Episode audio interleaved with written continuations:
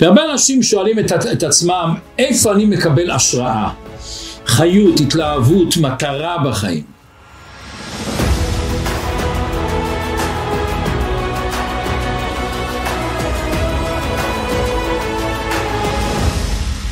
אנחנו השבוע נכנסים לחודש תמוז ומתקרבים לג' בתמוז, יום ההילולה של הרבה. אנחנו יודעים שהרבה נתן המון השראה להמון אנשים. והרבה אנשים שואלים את, את עצמם, איפה אני מקבל השראה? חיות, התלהבות, מטרה בחיים. מישהו אחד סיפר לי שלפני שנים הוא שמע סיפור, והסיפור הזה נותן לו השראה עד היום. מה הסיפור שהוא שמע? היה הרב של סמסמתי, הרב דה וורקין, ובשנת תש"ט ערב שבועס הוא נפטר. ואז רצו לקבור אותו בערב החג, אבל הרופאים אמרו, הם לא נותנים לו תעודת פטירה לפני שלא עושים ניתוח. הם רצו לברר בדיוק איך הוא נפטר.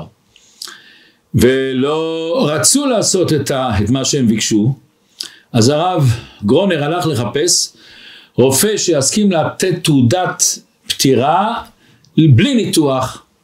חיפש, חיפש, בסוף מצא אחד, אבל הוא אמר לו בתנאי אחד, שהרבא נותן לי את הגן עדן שלו. מה הוא עושה הרב גרונר?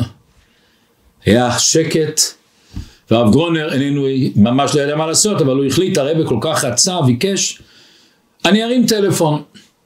אז הוא מרים את הטלפון לרבא, ואומר לרבא את מה שאותו הרופא אומר.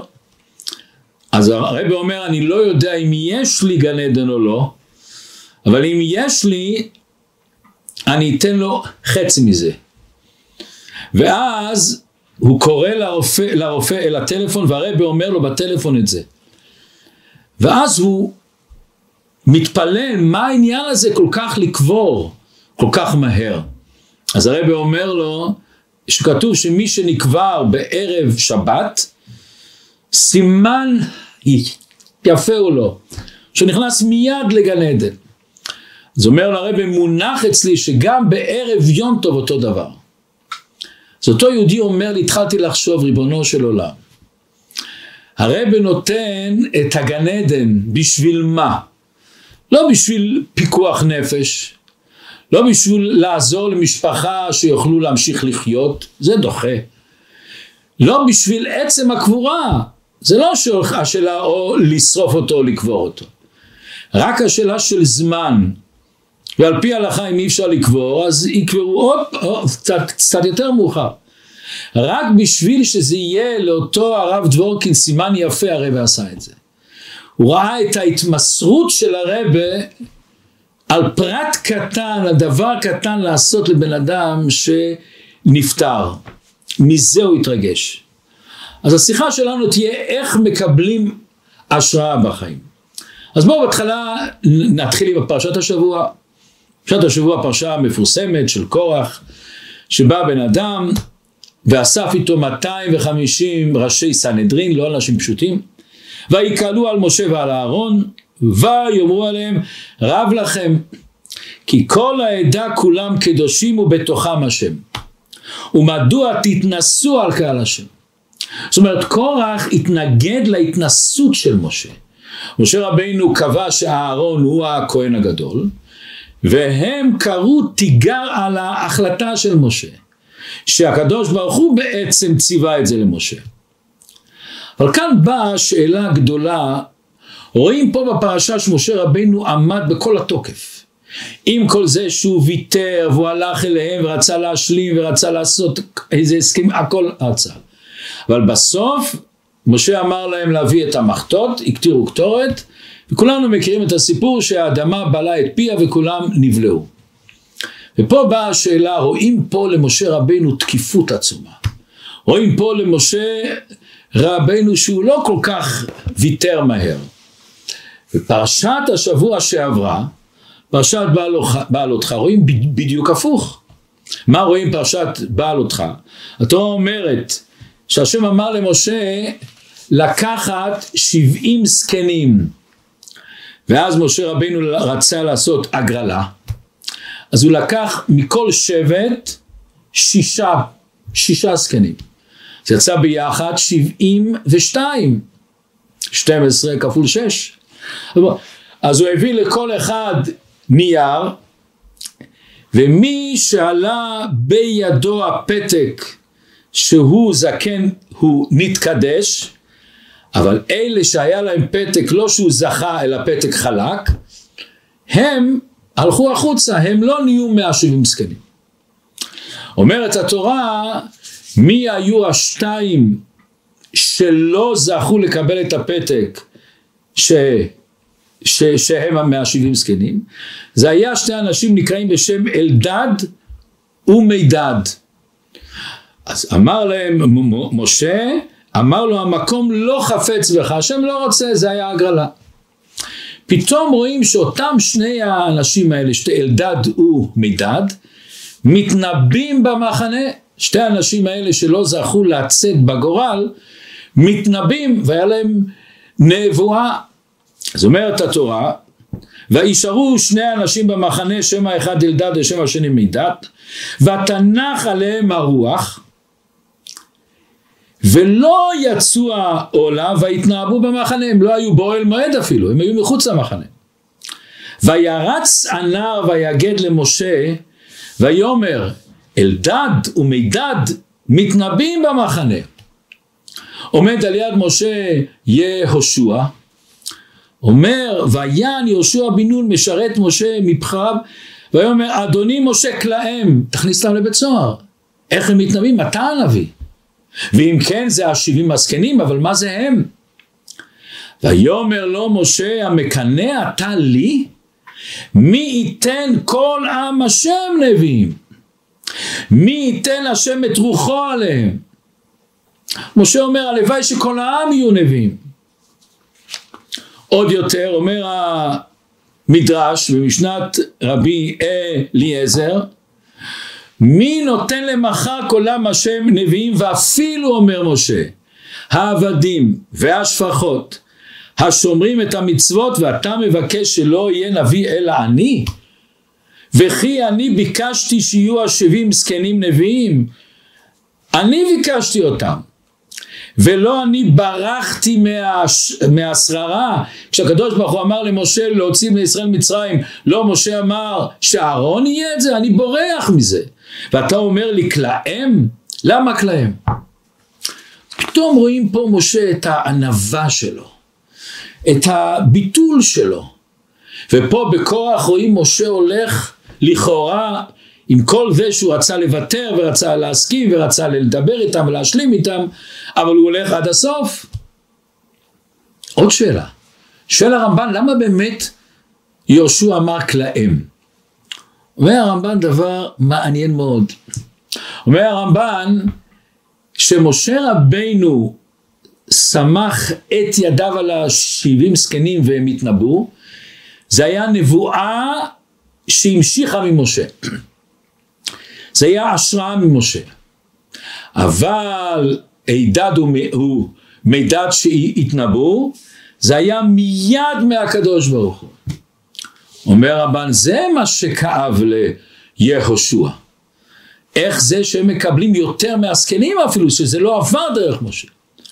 ועוד יותר אומר המדרש, שהם נתנבאו לא רק באותו עד הזמן הזה, אלא הם התנבאו אותו גם אחר כך. השבעים זקנים לא נכנסו לארץ ואלדד ומידד כן נכנסו לארץ. זה מה שהיה למשה. אז לכאורה השאלה הגדולה, למה באמת משה לא התנהג פה כמו בפרשת השבוע שלנו של קורח, שולח אידם במידת הדין. ועוד יותר, איך זה מתאים, והאיש משה ענב מאוד מכל האדם על שפני האדמה. אם הוא ענב, למה הוא הלך עם קורח וכל עדתו במידת הדין? והפסוק אומר לו קם נביא עוד בישראל כמשה אשר ידעו השם פנים אל פנים מבארים מה זה לא קם נביא אחד המעלות הגדולות של משה זה יהיה ענווה. פה רואים שזה לא ככה. אז בואו נקדים הקדמה שזה נוגע לכל אחד ואחת מעם ישראל. בהשפעה על בני אדם באופן כללי יש שני צורות השפעה. השפעה של מלך, מלכות, וההשפעה של רבה, משפיע, מדריך, מורה. ההשפעה של מלכות זה עוצמה, זה כוח, יש לו את השלטון, הצבא, המשטרה, והעוצמה שלו היא המלוכה. ולכן על פי ההלכה מלך שמחל על כבודו אין כבודו מחול מכיוון שכל המהות של מלך זה עוצמה. זה הכבוד שלא נטען לערעור. מה הוא מדריך את העם? מה לעשות ומה לא לעשות חוקים, מיסים, מלחמות, את כל הכללים איך נצא ללכת. רבה, נביא, משפיע, מדריך, הם יורדים אל העם. הם מנסים לשנות את המהות של העם, את ההרגשות שלו, את המידות שלו, להרים אותם, לזכך אותם. וכל אחד מאיתנו באיזשהו מקום, גם מלך וגם משפיע. הורים, יש להם את ה... באיזושהי צורה את השלטון, אבא אמר, אמא ציוותה, כך צריך לעשות. אבל יש לאבא ולאמא גם את הכוח, את העוצמה, את הזכות והחיוב והאחריות להשפיע על הילדים. ליצור בהם הרגשות אחרות, דעות אחרות, מחשבות אחרות, לבנות אותם מבפנים, שהם יהיו אנשים אחרים. וכאן הסכנה הגדולה שיש הורים שמשתמשים בכוח האבא והאמא, האבהות, בלשון שליטה. תנקה, תעשה, תקום, למה אמרת, למה לא עשית, איך התנהגת. ואז חס ושלום, הקשר נהיה קשר קר. הקשר נהיה קשר שהוא מתנשא. מצד שני, יש הורים שבפירוש עובדים מאוד להשפיע על השפעה פנימית, על הדרכה, על חינוך. ולא פעם ולא פעמיים שאנחנו נפגשים אנשים מבוגרים, אנחנו ממש יכולים להרגיש איזה ילדות היה להם, איזה הורים היה להם. יש אנשים שמרגישים בהם את החינוך, את הטביעת אצבעות של אבא ואימא. אבל יש אנשים שחס ושלום ממורמרים, לפני כמה זמן בא אליי, בא אליי אברך, ממש בדמעות אומר אני מרביץ לילד שלי, ואני מרגיש שזה הורס אותו. אני שואל אותו אז למה אתה מרביץ? הוא אומר ההורים הרביצו לי.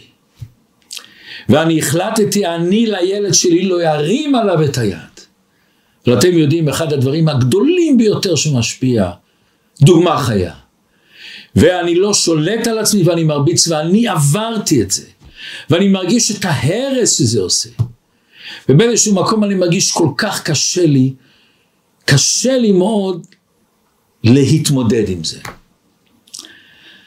ולפעמים כדאי מאוד להורים, וגם למורים, וגם למורות, וגם לאימהות, לשלוח אנשים זרים, לתפוס שיחה בטלה עם הילדים או התלמידים. איך המבט שלהם על ההורים שלהם, איך המבט שלהם על המורים והמורות שלהם. הם מרגישים את ההשפעה, את האכפתיות של ההורים ושל המורים על הילד, את הכאב שהם לא כמו שהם חושבים שבשבילהם יהיה טוב, או הם מרגישים את השליטה, את העוצמה, את הכבוד, את החיוב לשמוע, את הכפייה הזאת שאתה חייב לשמוע, שאם לא אני אקבל אותך. שתי שיטות השפעה. האדם השלם הוא זה שיכול לאחל ניגודים. הוא יכול להיות גם מלך, גם המלכות, ויכול להיות גם הרבי, גם המשפיע וגם המחנך. מכיוון שהאדם השלם הוא לא קשור למידות הטבעיות שלו, להרגלים שלו, הוא קשור לרצון של הקדוש ברוך הוא. וברגע שצריך להיות מלך הוא מלך, וברגע שצריך להיות רבה אוהב, או אבא או ואימא אוהבים, הוא עושה את זה. והוא לא מרגיש סתירה בין הדברים. כמו שאנחנו מכירים את הפסוק, עושה שלום במרומיו. יש מלאך גבריאל גבורה, מלאך מיכאל חסד, במרומיו הם עושים שלום. את הפשט הפשוט אומרים, איך הם עושים שלום? מפני המלך, הם לא רוצים לריב בפני המלך. הם באמת שונאים אחד את השני, הם מרגישים ניגודים, אבל כלפי המלך הם שונאים. בחסידות מזמר לא, זה הרבה יותר עמוק. העומק פה שאתה בא למלך, אתה רוצה לעשות את רצון המלך. אז גם מלאך גבריאל, שהוא מידת הדין, מידת הגבורה, שהוא רואה שצריך לעשות חסד, הוא בפירוש נותן באהבה לגבריאל לעשות את החסד. ואותו דבר להיפך. למה? נוגע לו לא אני חסד והוא דין, או אני דין והוא חסד. נוגע לו מה הרצון של הקדוש ברוך הוא. ואז הוא עושה את שניהם בשמחה, הוא לא שונא את המלאך השני, הוא מרגיש איתו הרמוניה. וזה היופי של בן אדם לאחד קצוות. מה היה משה רבנו? משה רבנו מצד אחד אנחנו מכירים שהוא הביא לעם ישראל את התורה. הוא היה נביא, הוא חינך אותם, הוא הדריך אותם, הוא לימד אותם את התורה. מצד שני אנחנו מכירים שכתוב בהרבה מקומות משה היה מלך ויהי בישורון מלך אומר הרמב"ן פירוש אחד ומשה הרמב"ם אומר ומשה היה מלך זאת אומרת משה היה לו את שני התכונות האלה. עכשיו בואו נראה מה ההבדלים האלה. איך משה יכל להכיל לעשות הרמוניה כזאת לאחד דברים שהם לכאורה נראים שונים? מלכות זה עוצמה ולכן יש כלל, אין שני מלכים משתמשים בכתר אחד. זה היה מחלוקת בין שבא הירח אל הקדוש ברוך הוא, אין שתי מלכים. אנחנו כולנו מכירים את המדרש שכתוב שאליהו הנביא הלך פעם עם רבי יהושע, הוא אמר לו אל תשאל אותי שאלות על ההנהגה שלי. הלכו למקום אחד, מקום שני, באחד המקומות הם באו ונכנסו וראו שמקום עשיר מאוד, כל אחד יש לו את הכיסא המיוחד, כל אחד היה אשם על הכיסא שהיה אסור לשבת על המקום שלו. והמתינו עד אחרי תפילת מעריב, והבחין בהם אחד המתפללים, והם חשבו שהוא ילך להזמין אותם, אז הוא אומר, או, oh, שוב באו אני, מי יאכיל אותם? אומר לו החבר שלו, אין צורך להזמין אותם, בוא נביא להם קצת לחם ומים לבית הכנסת, והם שם יאכלו. ולא שמו לב האנשים העניים האלה. למחרת בבוקר, שאליהו עוזב, אז הוא אומר, יהי רצון שתהיו כולכם ראשים וחשובים. אומר לו רבי יהושע, זה הברכה אתה מברך אותם על האנשים האלה? אומר שאתה אומר כולם ראשים וחשובים, כולנו יודעים שזה לא ברכה. אנחנו מכירים מה שעברנו עכשיו בארץ ישראל, את המצב שאני לא יודע אם נגמר או לא נגמר, אבל את העניין הזה של מי בראש. את העניין הזה ששלטון צריך להיות אצל מלך אחד. קורח רצה לזעזע את המלוכה. קורח רצה להחליש את המלוכה. קורח רצה להוציא את העוצמה של המלוכה. משה רבינו לא יכל לוותר. מלך שמחל על כבודו, אין כבודו מחול. אז משה רבינו הלך כאן למלוכה. בפרשת בעלותך משה רבינו הלך בתור רבי. הלוואי שכל העם יהיו נביאים. מה אתה כועס, יהושע, אתה אומר לי לקחת את אלדד ומידד, לכלוא אותם, למה לכלוא אותם? הלוואי שהם יהיו, גם אנשים הפשוטים שיהיו נביאים. מלך אחד. ואז פה שמשה רבנו הרגיש שרוצים לזעזע את המלוכה, הוא ידע שהרצון של הקדוש ברוך הוא אחר. זה לא באגו שלו, כמו שאמרנו. אותו מלאך גבריאל ומיכאל הם באותו מקום, באותו מצב, כלפי הקדוש ברוך הוא. ואז הוא הלך בכל הכוח, כמו שכתוב ברש"י, תעבר אחד לדור ואין שתיים, שניים לא יכולים. אבל זה המלכות. מה זה משפיע? משפיע זה בדיוק הפוך. ובכדי לתאר את זה בואו נחזור לג' תמוז. מה זה רבה? אנחנו יודעים שכתוב צדיק יסוד עולם. מה זה מידת היסוד? אז אנחנו כבר דיברנו פעם בקיצור, יסוד זה התקשרות. אנחנו אומרים צדיק יסוד עולם, מתי בונים יסוד? כשבונים בית עושים באדמה יסוד. מה עושה היסוד? מחבר את הבית לאדמה, שהם יהיו קשורים אחד בשני. מכיוון שאם אני בונה את הבית על האדמה, ברעידת אדמה קטנה הוא יכול חס ושלום ליפול. היסוד מקשר את הבית לאדמה. מה זה צדיק יסוד עולם? המטרה של הצדיק. החלום שלו, האתגר שלו, השאיפות שלו. הרצונות שלו זה לקשר את עם ישראל לקדוש ברוך הוא. יסוד עולם לקשר את העולם, את עם ישראל, את הבריאה אל הקדוש ברוך הוא. וזה שכינה מדברת מתוך גרונו לגלות אלוקות בעולם. ולכן אם הרצון של רבי, הרצון של משפיע, הוא לגלות אלוקות בעולם, אז אומר משה רבנו שכל העם יהיו נביאים. זה ההצלחה הכי גדולה שלי. הברכה הכי גדולה שלי שהצלחתי בתפקיד שלי. לברוא ולהמשיך נביאים. לברוא ולהמשיך קדושה להרבה אנשים. זה החלום שלי לגלות את האור האלוקי. היה פעם בארצות הברית רב רפורמי שקראו לו וינר. אותו הרב הרפורמי הזה נכנס לרבה והתחיל להתקרב. הוא המשיך להיות רב רפורמי, אבל בסתר הוא לא נסע בשבת, הניח תפילין, עשה את המצוות. בשלב מסוים הוא הרגיש שהוא כבר איננו יכול, אז הוא בא לבית כנסת ואומר לבית כנסת, אני מצטער, אני מפסיק להיות רב פה, רב רפורמי, כיוון שאני אורתודוקסי. אז הבית כנסת צוחק, בית כנסת אומר, אתה חושב שאנחנו לא ידענו שאתה אורתודוקסי? ראינו אותך, שאתה לא נוסע במכונית, ראינו אותך מניח תפילין בצד, ראינו מתעטף בטלית, ראינו בפסח אתה אוכל מצה. אנחנו חושבים שאתה לא ידעת שאתה אורתודוקסי עד הסוף ולכן המשכת. והוא היה מאוד, נכנס לרבה ודיבר איתו מאוד בקירוב הדעת. יש הרבה סיפורים שעכשיו לא הזמן. אבל פעם אחת הוא נכנס לרבה ואמר, רבה, מותר לי לשאול אותך שאלה אישית. שאלה אישית. והרבה היה תמיד, אנחנו מכירים מאוד פתוח בשמחה. אז הוא אומר, הרי יש את הסיפור המפורסם של האדמו"ר הזקן שהיה בצוהר שאני חושב שכולם מכירים, שהוא בא, ה... בא הקיסר של רוסיה, ואז הוא שאל את האדמו"ר הזקן, מה זה שהשם אומר לאדם ראשון אייכה, השם לא יודע שאדם ראשון, איפה אדם ראשון? אומר לאדמו"ר הזקן, האייכה זה שכל אדם צריך לשאול את עצמו, אייכה, איפה אני?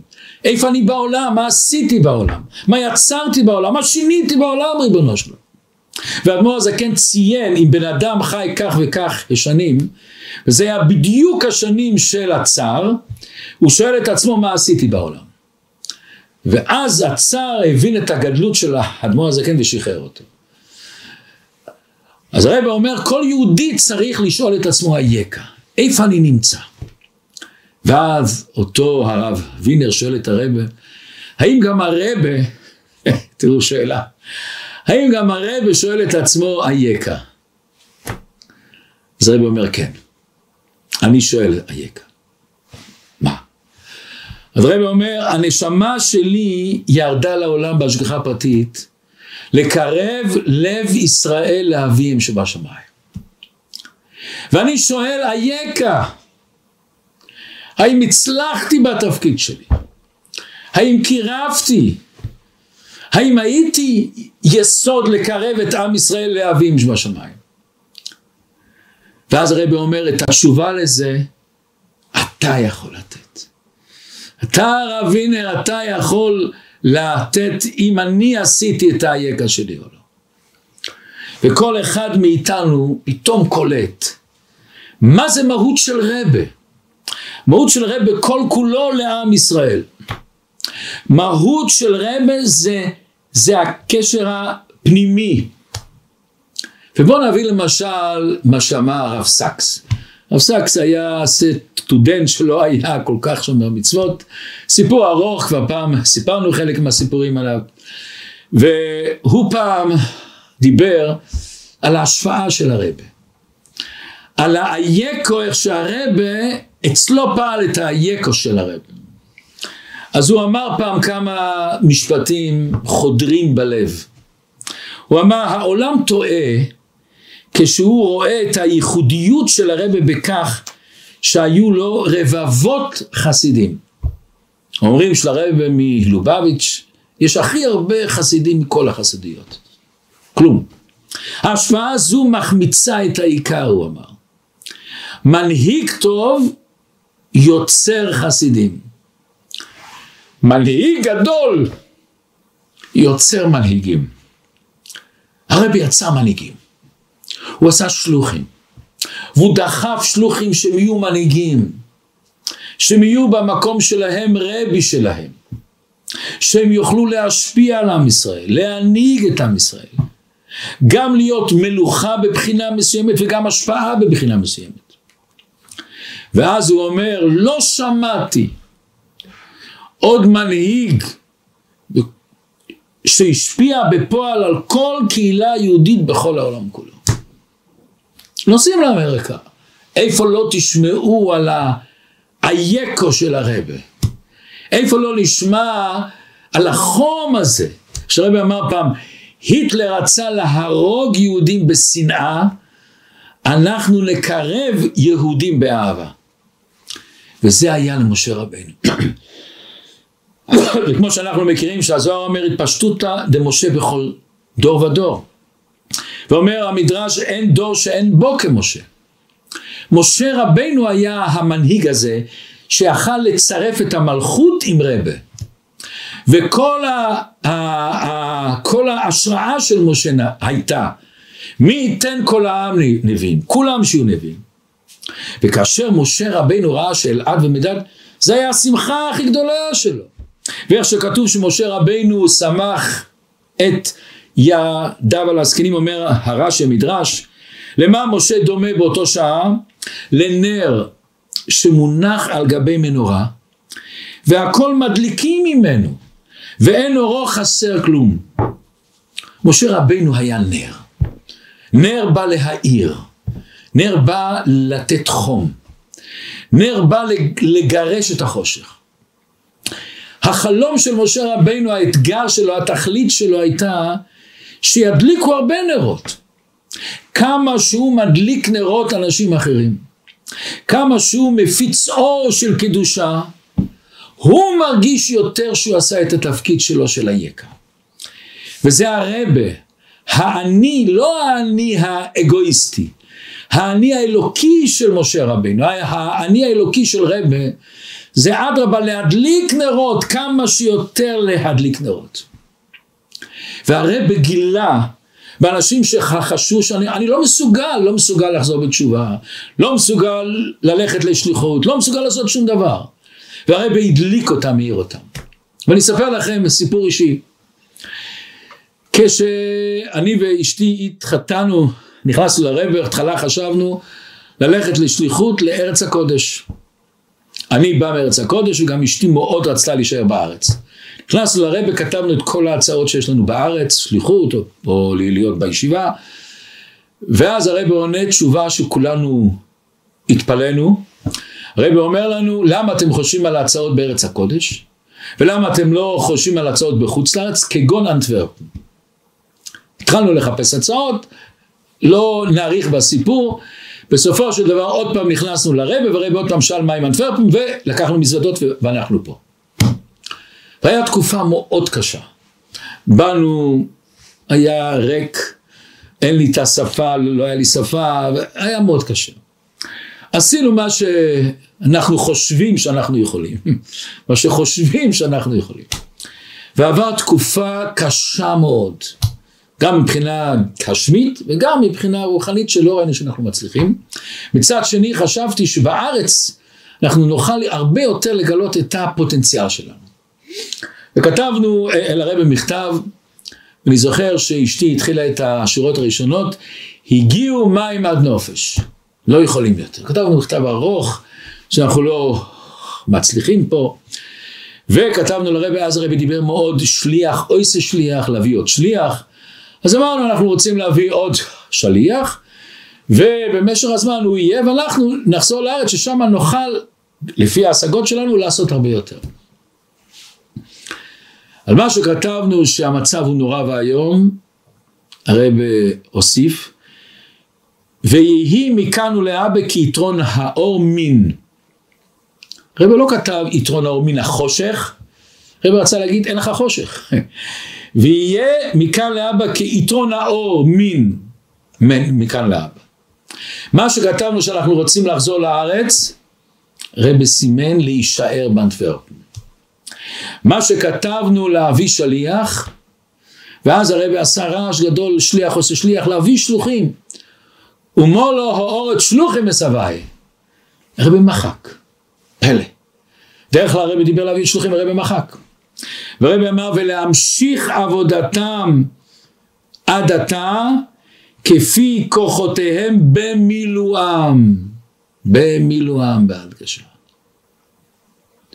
אנחנו לא ראינו את זה. איפה כוחות שלנו? איפה במילואם? היינו זכותים לגמרי. מה יש לנו עוד? אבל הרב אמר, וזה הדליק בנו, וזה נתן לנו את ההשראה. וזה רבה שהוא מדליק נשמות, מדליק את הפתיליות. את הפתיליה יש, והרבה נותן את הכפורי ואומר לנו, לכו תדליק. ואז הרב זקס, בואו נחזור לרב זקס, הוא אמר עוד משפט מאוד יפה. מרבית האנשים המביטים על אחרים, רואים רק את המקצת שביכולתם לראות. אנשים גדולים מביטים על אחרים, הם רואים אותם כפי שהם באמת. לא את המקצת שלהם באמת. אבל הרבי, הגדול שבגדולים, הוא רואה את מה שהם יכולים להיות, ולמה שהם מסוגלים להתהפך. ימלאו כוחותיהם במילואם. תמשיכו. זה ההשראה של משה רבינו, והתפשטות עדי משה בכל דור ודור. והאמת היא שבכל אחד ואחד יש ניצוץ של משיח, אומר אדמו"ר הזקן. זאת אומרת, כל אחד באיזשהו מקום צריך לתת את ההשראה, לקבל השראות ולתת השראות. ואנחנו צריכים לחשוב לעצמנו, ממי קיבלת השראה? ולחיות עם זה, ולזכור את המשפט הזה שהיה, את ההתוועדות הזאת שהיה, את האמרה הזאת שהיה, את השיעור הזה שהיה, לחיות איתו. לא לבזבז זמנים שקיבלנו השראה והתלהבות וחיות, לשחזר אותם. והשאלה השנייה, אנחנו צריכים לחשוב, למי אנחנו ניתן השראה? למי אנחנו מסוגלים לתת השראה? זה השאלה שבן אדם ישאל את עצמו, ואז הוא ימלא כוחותיו במילואה. יש עוד הבדל גדול בין מלך לרבי, למשפיע. מלך שהשם ישמו הוא נפטר, שהמלך נפטר, הוא נפטר, גמרנו. המלוכה עוברת אל מישהו אחר. אבל כשמלך, אבל כשרבה, שהוא השפיע על אנשים, הוא הדליק בהם נשמות, ההשפעה שלו ממשיכה לרדת. ההשפעה שלו ממשיכה להשפיע. ההשפעה שלו נותנת ונותנת ונותנת. ואני רוצה לספר לכם סיפור. אנחנו יודעים שבארץ ישראל יש העדה חרדיס. האב בייס דין של העדה, הרב טוביה וייס, הוא היה לפני זה דיין באנטוורפן. היינו אותו מאוד כי רוב הדעת, הוא היה בכלל מאוד קרוב ללובביץ'. ובשלב מסוים הזמינו אותו לכהן כעבד הקהילה החרדית, שהשם ישלח לו רפואה שלמה ובריאות עד עד עד 120 שנה והלאה. אדם יקר מאוד, תלמיד חכם עצום. היה אחרי ג' תמוז, עבר קצת זמן ואני זוכר, הוא מתקשר אליי, אומר לי, הרב אני מבקש ממך לבוא אליי הביתה. אוקיי, אני באתי בשמחה. נכנסנו, הוא סגר את הדלת, הביא לי קצת לחיים, הוא אמר לחיים. הוא אומר לי, אתה יודע כמה שאני קרוב ללובביץ'. אחרי ג' תמוז, מה יהיה פה? אין רבה, אין מישהו שידריך, שינהיג. יש אלפי שלוחים, אלפי מוסדות, אלפי עשרות אלפי מאות אלפי פלצ'ובס, חסידים, צריך הדרכה, זה התפרק חס ושלום הכל. הרב כל כך הרבה השקיע ונתן כוחות במסרות נפש, חס ושלום זה, זה התפרק. מוכרחים לעשות משהו. צריכים לעשות רבה אחר. אולי רבה ממלא מקום, שיהיה דבר טכני, או לעשות איזה ועד שיהיה איתו, רע, בנינו בבית, מוכרחים לעשות משהו. ואני ככה לא קיבלתי את זה כל כך. אז הוא אומר, תעשה טובה, בשמי תתקשר לוועד רבני לובביץ' העולמי, תבקש שיעשו את זה. אני אגיד את האמת, לא עשיתי את זה. לא היה לי אומץ. אוקיי, אחרי זה הוא עלה לארץ ישראל, לארץ הקודש, ונהיה הבעל של הקהילה החרדית. היה לו בן, שכן, שהוא בא הרבה פעמים לבית חב"ד לשיעורים, והנכד שלו, השם ישמור, נפטר בגיל צעיר. הסבא, הרב טוביה וייץ, בא מארץ ישראל לנחם את הבן. וגם אני נכנס, ומלא מלא החדר, ורב טוביה וייס מתיישב על יד הבן שלו, ואני נכנס, רב טוביה וייס רואה אותי קם, אומר לי בוא, מכניס אותי למטבח, סוגר את הדלת, ואומר לי, בפעם הבאה שאתה נוסע לרבה, תעשה לי טובה, תלך לאויל. לציון תבקש בשמי סליחה. אני מסתכל, איזה סליחה? על מה הסליחה? מה הרב עשה? אז מה אני אגיד לך? אתה זוכר שאני מאוד לחצתי שצריכים לעשות חבר אחר. שאם לא חס ושלום, חב"ד תוכל להתפורר. לא הערכתי מספיק את הכוח של הרב. עכשיו אני מעריך. לא רק שהיא לא מתפוררת, היא גודלת וצומחת. שלוחים שלא ראו את הרבה, לא שמעו את, את הקול הקודש שלו. ממשיכים ללכת במסירות נפש לשליחות. מתחתנים, לא חושבים איזה דירה יהיה לי, איזה מכונית תהיה לי, כמה כסף אני אקבל מהשוור או מהשוויגר. מה הם חושבים? להפיץ יהדות, החלום של הרבה של היקו. איפה אתה נמצא חסיד? כמה, לכמה אנשים השפעת ופעלת? לא הערכתי, תבקש סליחה. זה הכוח של רבה, שהנרות שלו ממשיכים לדלוק. וזה כמה נפלא לשמוע שכתוב, ומשה לא ידע איש את קבורתו. מה זאת אומרת משה לא ידע איש את קבורתו? מכיוון שהוא קבור אצלנו. אצל כל אחד הוא לא קבור במקום מסוים. כל מקום שאתה מדליק נרות, שם הוא נמצא. הוא קשור לכל אחד. יש אתם ודאי זוכרים את הסיפור המפורסם שפעם אישה מבוגרת עברה לרבה בחלוקת דולרים, שבכלל רואים אצל הרבה דבר לא מובן בכלל. מצד אחד לרבה היה כל רגע חשוב. רבה לא נסע כל החיים שלו יותר מחמישים שנה לחופש, מה שכולם עושים, קצת אוויר, קצת להתרענן. לא נסע פעם לחודש, כל יום בא למשרד ועבד עד שעות מאוחרות. ישן כשעתיים בלילה. כל הזמן למד וכתב מכתבים והיה הוראות. לא הלך לא לחתונות, לא לבריתות שהזמינו אותו להיות צדק. בשנים הראשונות היה כמה חתונות יחידות, וזהו זה, מאז אין, אין. לא הלך לא לפדיון הבן לשום מקום. כל רגע ספור. ומצד שני, רבי עמד שעות על שעות על רגליו הקדושות. בשביל מה לחלק דולרים? זה לא ביטול תורה. זה לא בזמן הזה אתה יכול להגיד שיחות בשביל לכתוב שיעורים ולכתוב מאמרים. עמד, תביא למישהו, אל הגבה, אל השמש, ערימה של דולרים, תגיד זה מה הרבה. לא, לא, לא. תשב. מישהו מסוגל לעמוד כל כך הרבה שעות על הרגליים? מישהו מסוגל רק להחזיק את היד ככה ולעשות ככה? כמה זמן אנחנו יכולים לעשות את זה? חצי שעה, שעה, שעתיים, כמה זמן? והרבי הסתכל לכל אחד בעיניים. והרבי נתן לכל אחד את הברכה. והרבי נכנס לכל אחד. ונתן עצות לכל אחד. שעות, שעות, שעות, שעות, שעות. איפה יוקר הזמן? האהבה של רבה לחסידים. הקשר, האייקו, הוא רוצה להשפיע, שיהיה לו קשר ליהודים. אז יש את הסיפור המפורסם, שפעם עברה איזו אישה בחלוקת דולרים, ואז היא באה לרבה ואומרת, רבה, איך אתה לא מתעייף? איך אתה לא מתעייף?